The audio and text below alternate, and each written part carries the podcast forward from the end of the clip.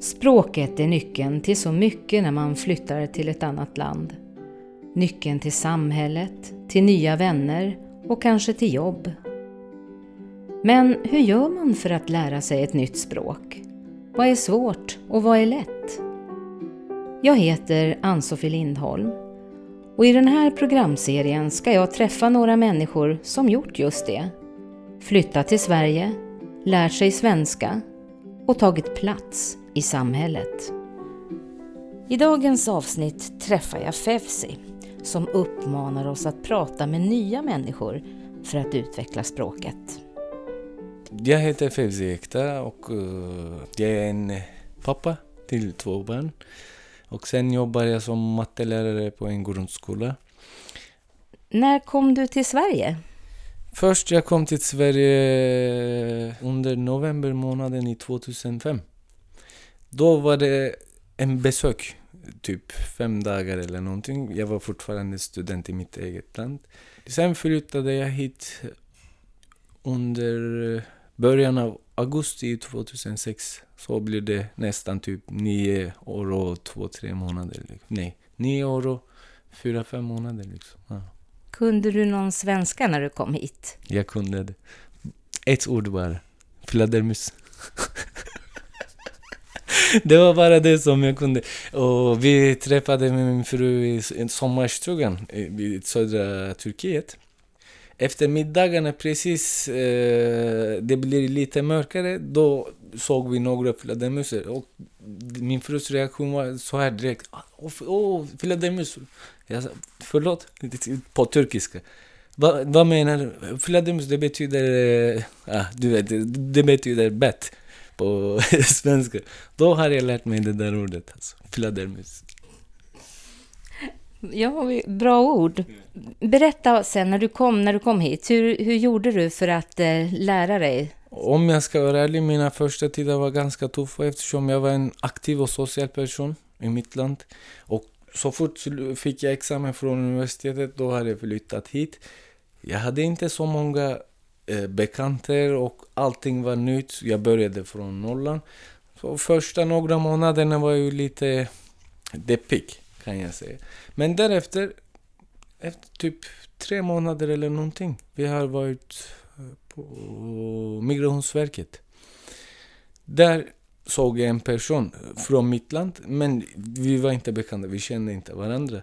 Så jag, lyssnade, jag tjuvlyssnade lite grann på dem. De pratade så här med, han pratade med sin fru och så. Då fick jag veta att han har bott här typ 15-16 år. Men när det var dags för eh, deras samtal så kom fram en eh, kvinna och presenterade sig att hon var ju deras tolk. Ja, då tänkte jag, okej, okay, 15-16 år och de går in fortfarande med en tolk och så. Jag var med min fru liksom. Då diskuterade vi, då hade jag sagt jag kommer aldrig hamna i den här situationen. Aldrig. Jag tittade på svenska kanaler, jag tittade, jag läste tidningar och sånt. Ja, jag vet inte hur, men det kom.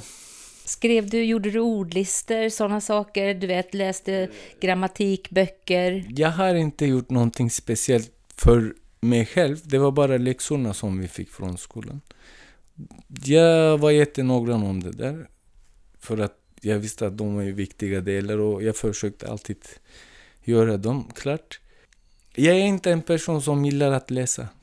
Jag brukar titta och uh, till exempel dokumentärer, det är min största hobby att titta på dokumentärer. Men det är därför jag har inte läst så mycket. Vad tycker du är enklast med svenskan? Sådana ord som är nästan samma på engelska. Då var, jag var redan, eh, jag hade redan hört om det från engelskan, så var det alltså direkt jag tog dem och sparade här inne. Okej, okay, det betyder det, det betyder det. Det var ju lättaste delen för mig kan jag säga. Och vad var svårast då? Vad är svårast med svenskan? Jag har fortfarande problem med till exempel varför sitter man i en taxi och på en buss? Och sen, till exempel när man ser att de uh, ska till semester liksom. Då säger man, jag ska på semester. Men egentligen, man åker någonstans och då borde man säga till jag åker till semester. Det är fortfarande komplicerat för mig och som vanligt en och ett grejen. Ja, de där var ju svåraste delen för mig.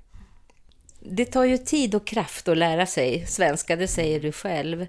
Mm. Eh, men hur motiverade du dig när det var svårt? Först började jag på en vanlig SFI-kurs. Då var det, alltså, det, jag kände att det går jättesakta. Det, det är därför jag kunde inte motivera mig på något sätt. Sen jag bytte till en eh, annan skola. Då var det också samma sak. Tills vi fick, eh, vi fick veta att det, det finns något nytt projekt som heter SFINX, Svenska för utländska ingenjörer. Ja, då tack vare min fru, hon kämpade jättemycket eftersom den där skolan ligger i Jakobsberg och vi bor i Stockholms kommun. Det var svårt att få ett plats där borta. Och tack och lov att hon fixade det och eh, jag fick en plats. Där hade jag två jättegulliga lärare och ett bra miljö för att, en bra miljö för att kunna lära sig någonting om att bli motiverad. Och där, det gick så fort och plötsligt. Ja, på det sättet jag motiverade. Jag fick hjälp av mina lärare och ja, den där. Hur gick det med skrivandet? Skriva är svårare än att prata liksom. Men för mig det var ju helt tvärtom. Vi brukade göra så här till exempel när min fru skulle skriva något och skicka fram till någon eller någonstans. Då hade jag jättegärna gjort det där för att kunna eh, träna, skriva och sådana grejer. Eller om jag skriver något fel, då hade, jag, då hade hon rättat till det här. Eh, men den första ordet som jag har jag kommer ihåg att jag har fått verkligen svårt ursprungligen. Det är svårt att uttala, det är lätt att skriva, men jag, jag har fortfarande svårt att uttala det, men jag kan skriva det utan till direkt. Det var ju så. ursprungligen. Vilka tips skulle du vilja ge till dem som håller på att lära sig svenska nu? Då kan jag säga det att man ska aldrig skämmas att säga någonting. Det kan bli fel. Eh, jag har en bekant som vi kom nästan samtidigt. Han berättade något roligt historia när de sitter med alla släktingar något uh, juldag eller något nyårsafton. Han råkar att säga istället för kan du ge mig lite bröd, kan du ge mig lite bröst? Säger han så här. Ja men, ja, alla skrattar men det blir en rolig stämning ändå. Att ta kontakt med folk, speciellt eh, främlingar. Det är jätteviktigt. Till exempel om vi två känner varandra, då vet jag att vilka ord kommer baseras på vårt samtal, vardagliga menar jag. Men när man träffar med någon ny, då måste man hitta nya grejer för att kunna uttala sig själv.